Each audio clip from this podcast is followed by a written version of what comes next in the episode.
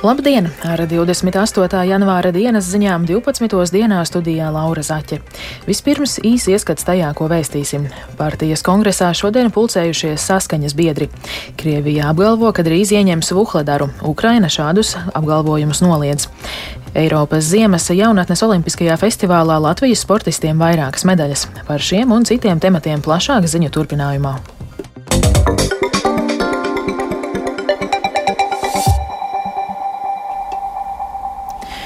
Partijas saskaņa biedri pulcējušies kongresā, lai pēc izgāšanās saimas vēlēšanās apspriestu aktuālo situāciju partijā, lemtu par grozījumiem partijas statūtos un ievēlētu partijas vadību.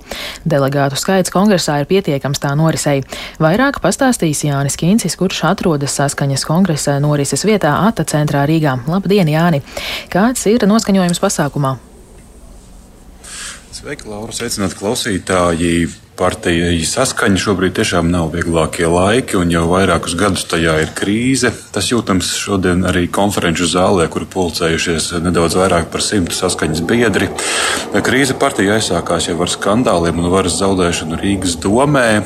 Saskaņas Tātad saimnes vēlēšanu gadā saskaņas reitings ir turpinājis krist, un daļas krievalodīgo vēlētāju balsis un daļa krievalodīgo vēlētāju balsu tika citiem politiskajiem spēkiem. Un, Redzamākie iemesli tam, ko saskaņas, saskaņas līderi nekavējoties nosodīja Krievijas iebrukumu Ukrainā un nosauca Krieviju par agresoru valsti. Arī šodien viņi no tribīnas atkārtoja, ka šajā situācijā nedrīkstēja rīkoties citādi. Tāpat saskaņas frakcija pērn atbalstīja grozījumus par Latvijas pareizticīgo, baznī, pareizticīgo baznīcas patstāvīgumu no Maskavas patriarchāta, un šos vēstījumus daļa krievalodīgo vēlētāju acīm redzot nesapratu. Tā uzrunā secināja partijas līderi Jānis Urbanovičs un Nils Ušakovs. Lielākā drāma šobrīd saskaņā ir saistīta ar Latvijas nodaļām. No partijas šonadēļ izstājās gan Andrejs Elksniņš, gan pārējie Daug partijas pārstāvji Daugopils domē. Saskaņas Rēzeknas pilsētas un novada un Ludus novada organizācijas aicināja ignorēt šodien notiekošo kongresu. Un, piemēram, Rezeknas mērs Aleksandrs Bartaševits šodien šeit nav ieradies. Ar visu šo informāciju fonā, protams, ka šo kongresu saist arī ar pārmaiņām saskaņā. Tās vadību turpmāk varētu uzņemties nevis viens vadītājs kā līdz šim, bet trīs līdzpriekšsādātāji. Šādu priekšlikumu ir izteikuši vairāku pārstāvju organizāciju, organizācijas pārstāvji. No šiem amatiem rosināts virzīt Nilu Ušakovu, Regīnu Ločmeli un Jānu Urbanoviču. Ločmeli ir apņēmības pilni stabilizēt šo partiju. To viņi jau vakar uzsvēra sarunā Latvijas radio. Varam paklausīties viņas teikto. Partija ir krīze, to neviens nenoliedz, un man ir pietiekama pieredze un spēki un raksturs, lai pretendētu uz šīs partijas vadošo amatu. Es esmu izvirzījusi sevi pati un vairākas pirmorganizācijas arī mani izvirzījusi priekšsēdētāja amatu. Es pieļauju, ka notikumi var izcināties ļoti ātri un pat kongresa gaitā. Tas nav izslēgts. Priekš manis ir svarīgi pirmais, ka kongress notiks, partija nav izirusi, piedalīsies liels delegātu skaits, un uh, tie būs tieši tie cilvēki, kuri ir ieinteresēti, lai partija saglabātos un partija kļūtu efektīvākā. Un šobrīd eh, kongresā pēc Urbanoviča un eh, Nila Ušakova uzrunām ir gaidāmas un jau sākušās debates, eh, un gaidāmas arī valdes un citu struktūru vienību vēlēšanas. Tās gan plānotas aizklātā procedūrā, tāpēc šis process būs visnotaļ ilgs un noteikti garāks nekā bija domāts un plānots iepriekš. Par kādiem lēmumiem tad, tad ziņošu vēlāk.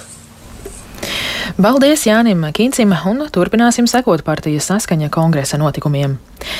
Saima drīzumā varētu lemt par deputāta Aināra Šlesera no partijas Latvija pirmajā vietā izdošanu krimināla lietas iztiesāšanas turpināšanai, tā vēstīja Latvijas televīzija. Tā dēvētā otrā digitālās televīzijas krimināla lieta jau atrodas Rīgas apgabaltiesā, taču pēc Šlesera ievēlēšanas par saimas deputātu radās jautājums, vai viņu var turpināt tiesāt bez saimas piekrišanas.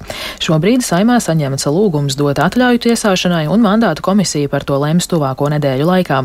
Šlesers ar savas preses pārstāvis starpniecību Pārvaldība informējis, ka neliks nekādus šķēršļus lietas izskatīšanai un aicinās citus deputātus balsojumā atļaut krimināllietas iztiesāšanas turpināšanu. Vienlaikus politiķis noliedza vainu sev izvirzītajās apsūdzībās.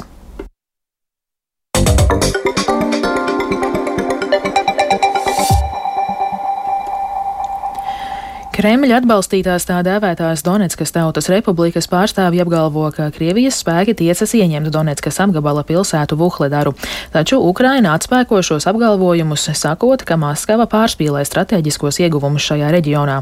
Vairāk stāsta Rustams Šukūrovs. Vuhļedara, kuru kādreiz apdzīvoja aptuveni 14,000 cilvēku, atrodas 50 km uz dienvidrietumiem no Krievijas okupētās Doņetskas pilsētas. Krievijas aizsardzības ministrija nāca klajā ar paziņojumu, ka tās karaspēks veic ofensīvas operācijas Vuhledaras apgabalā, apšaudot Ukrainas militārās pozīcijas un ieņemot strateģiskās teritorijas pilsētas tuvumā.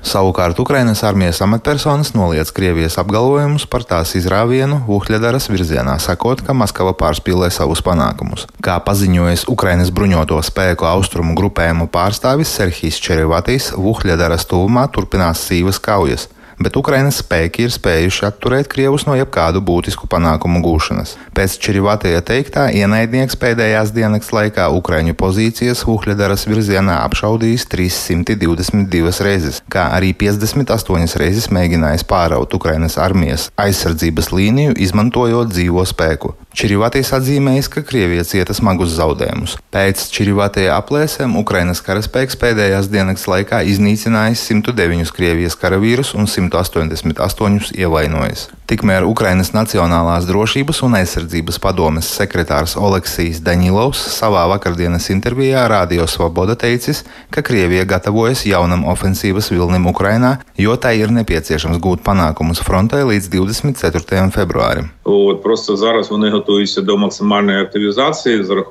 Tagad viņi gatavojas maksimālai kara darbības aktivizēšanai, ņemot vērā to, ka tie ir cilvēki no padomijas un viņi uzskata, ka līdz iebrukuma gada dienā gadadienai viņiem vajadzētu būt sasniegumiem. Nav noslēpums, ka viņi, kā saka, gatavojas jaunam vilnim līdz 24. februārim. Ir izpratne, kuros virzienos viņi vēlas kaut ko darīt.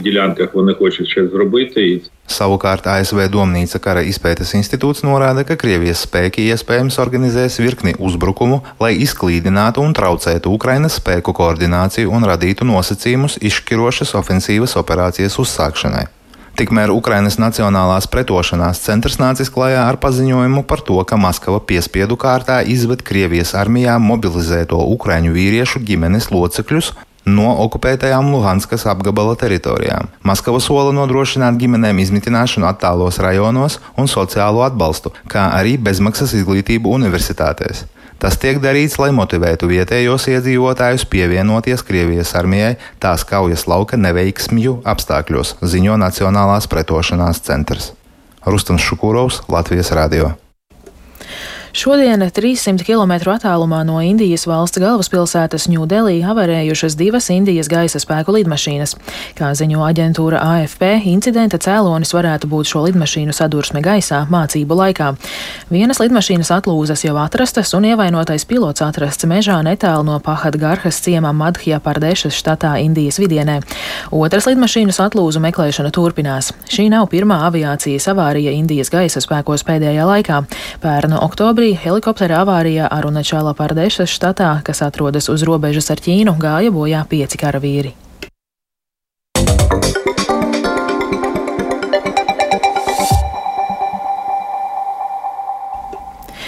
Latvijas sportisti vakar sekmīgi turpināja Eiropas ziemas jaunatnes olimpisko festivālu.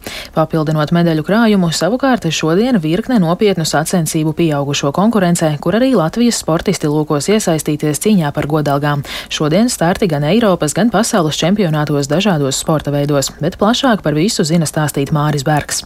Labdien, Māri! Sveika, Laura, sveicināti klausītāji. Uzreiz tātad par notikumiem vakar Latvijas jauniešu hokeja izlase vēlu vakarā izcīnīja sudraba medaļas Eiropas jaunatnes ziemas olimpiskajā festivālā, mūsējiem finālā ar 0-5 atzīstot Šveices pārākumu. Turpinājumā klausāmies Latvijas komandas galveno treneri Raimondu Vilkoitu. Mazliet rūkuma sajūta, ka zaudējām, taču Džeki iztērēja visus spēkus, kas viņiem bija, visas emocijas spēlēja 100% atdevi. Trešajā periodā centāmies apspēlēties, kas radīja caurums mūsu aizsardzībā. Un Šveice ļoti labi pārslēdzās no aizsardzības uzbrukumā. Tad sanāca tā, ka viņi mūs par to sodīja, un tad nu, mēs nespējām, diemžēl, sasmelt vairāk ūdeni. Pasaules tūres fināla turnīrā pludmales volejbolā šodien svarīga spēle Tīnai Graudiņai Anastasijai Samoilovai. Latvijas komanda vienos dienā sāks spēli pret Brazīlijas duetu Dudu Anu Patrīsiju. Brazīlijas pāris turnīra pirmajās trīs spēlēs svinēja trīs uzvaras, bet Latvijas pārim trīs spēlēs divas uzvaras. Lai kvalificētos izslēgšanas spēlēm, Graudiņai Kravčenokai šodien jāizcīna uzvara. Ja pret Brazīlietēm tiks piedzīvots zaudējums, tad būs jācer uz Kanādas pāru uzvaru vienlaicīgi notiekošajā spēlē, lai mūsējās tiktu tālāk. Šodien vairākos populāros ziemas sporta veidos risinās Eiropas un arī pasaules čempionāti. Šobrīd Vācijas trasē Oberhofā sākušās pasaules čempionāta sacensības kamariņu sportā. Dienas ievadā startē vīriešu un sieviešu divnieki. Vīriešu divniekos sacensības jau noslēgušās, un Mārtiņš Bots, Roberts Plūme ierindojās piektajā vietā, atpaliekot tikai no divām Vācijas un divām Austrijas ekipāžām. Dienas otrajā daļā startēs arī sievietes vietas vieniniekos. Par pārējiem rezultātiem kamariņu sportā vairāk stāstīšu dienas ziņās sešos vakarā, bet kamariņu braucēju startiem var sakot līdzi te televīzijas kanālā TV6. Tāpat Sanktmoricas trasē Šveicē šodien sākas pasaules čempionāts bobslejā. Šodien pirmie divi braucieni divnieku ekipāžā. Latviju pārstāvēs Emīls Cipulis kopā ar Matīsu Mikni, viņiem trasē dodoties ar otro starta numuru. Pasaules čempionātos debitēs Jākaps Kalenda, bet viņa stūmēs būs dārsts. Dāvis Spriņģis. Pirmais brauciens Sanktmoricā sāksies divos dienā. Bobslejā pasaules čempioni, kā ierasts, tiek noskaidroti četru braucienu summā. Par Eiropas čempionu titulu šodien cīnījās arī biatlonisti, viņiem sacenšoties iedzīšanā. Pirms pāris minūtēm finišēja iedzīšana sievietēm, un Baiva Bendika izcīnīja 27. vietu. Pustrijos pēcpusdienā paredzēta 12,5 km iedzīšana vīriešiem, un tajā startēs Andrejs Rastargojevs. Vakar viņš tikai par mata tiesu palika aiz goda piedestāla. Rastargojevs vakar sprintā bija ceturtais, bet no trešās vietas viņš atpalika tikai sekundi. Šodien Rastargojevs Gojevam jauna iespēja tikt uz goda piedestāla Eiropas čempionātā. Tāpat šodien spēle Somijas Mestis līgā zemgala LLU hokeistiem. Viņi piecos pēcpusdienā izbraukumā tiksies ar Kieko Pojat komandu. Vakar pirmajā savstarpējā spēlē zemgala svinēja uzvaru ar 3-1. Jelgavas komandai tādējādi pārtraucot astoņu zaudējumu sēriju Mestis līgā. Šobrīd sporta ziņās man tas tad arī ir viss. Paldies Mārim Bergam par sporta apskatu. Bet šovakar Daugopils Olimpiskajā centrā notiks muzikāla sacensība. Tur notiks Latvijas Radio 2 muzikālās bankas 2022 fināls.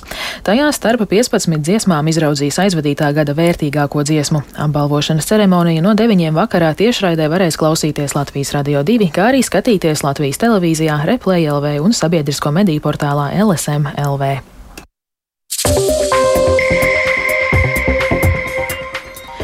Ar to izskan 28. janvāra dienas ziņas. Producente Aiga Pelēne ierakstus montēja Kaspars Groskops, pie skaņu puls Mārtiņš Paeglis, bet studijā Laura Zaķe. Īsumā par svarīgāko partijas kongresā šodien pulcējušies saskaņas biedri. Krievija apgalvo, ka drīz ieņems Vuhledaru, bet Ukraina noliedz jebkādu izrāvienu.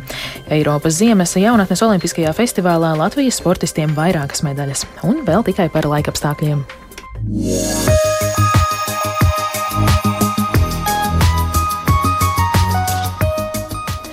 Gaisa temperatūra Rīgā šobrīd ir mīnus 2 grādi un pūš rietumu vējš 4 m2. Atmosfēras spiediens 772 mm, bet relatīvais gaisa mitrums 75%. Latvijā šodien būs mākoņains, vietām skaidrosies, pēcpusdienā gaidāmi nelieli nokrišņi, galvenokārt sniegs un slapjš sniegs. Atsevišķos posmos ceļi būs slīdēni. Pūtīs dienvidu rietumu, rietumu vējš 4,9 m2, piekrastē brāzmās līdz 15 m2. Gaisa temperatūra temperatūra - mīnus 4, plus 1 grāds, jūras piekrastē - plus 2, plus 3 grādi. Arī Rīgā šodien mākoņains, brīžiem skaidrosies un nokrišņi nav gaidāmi.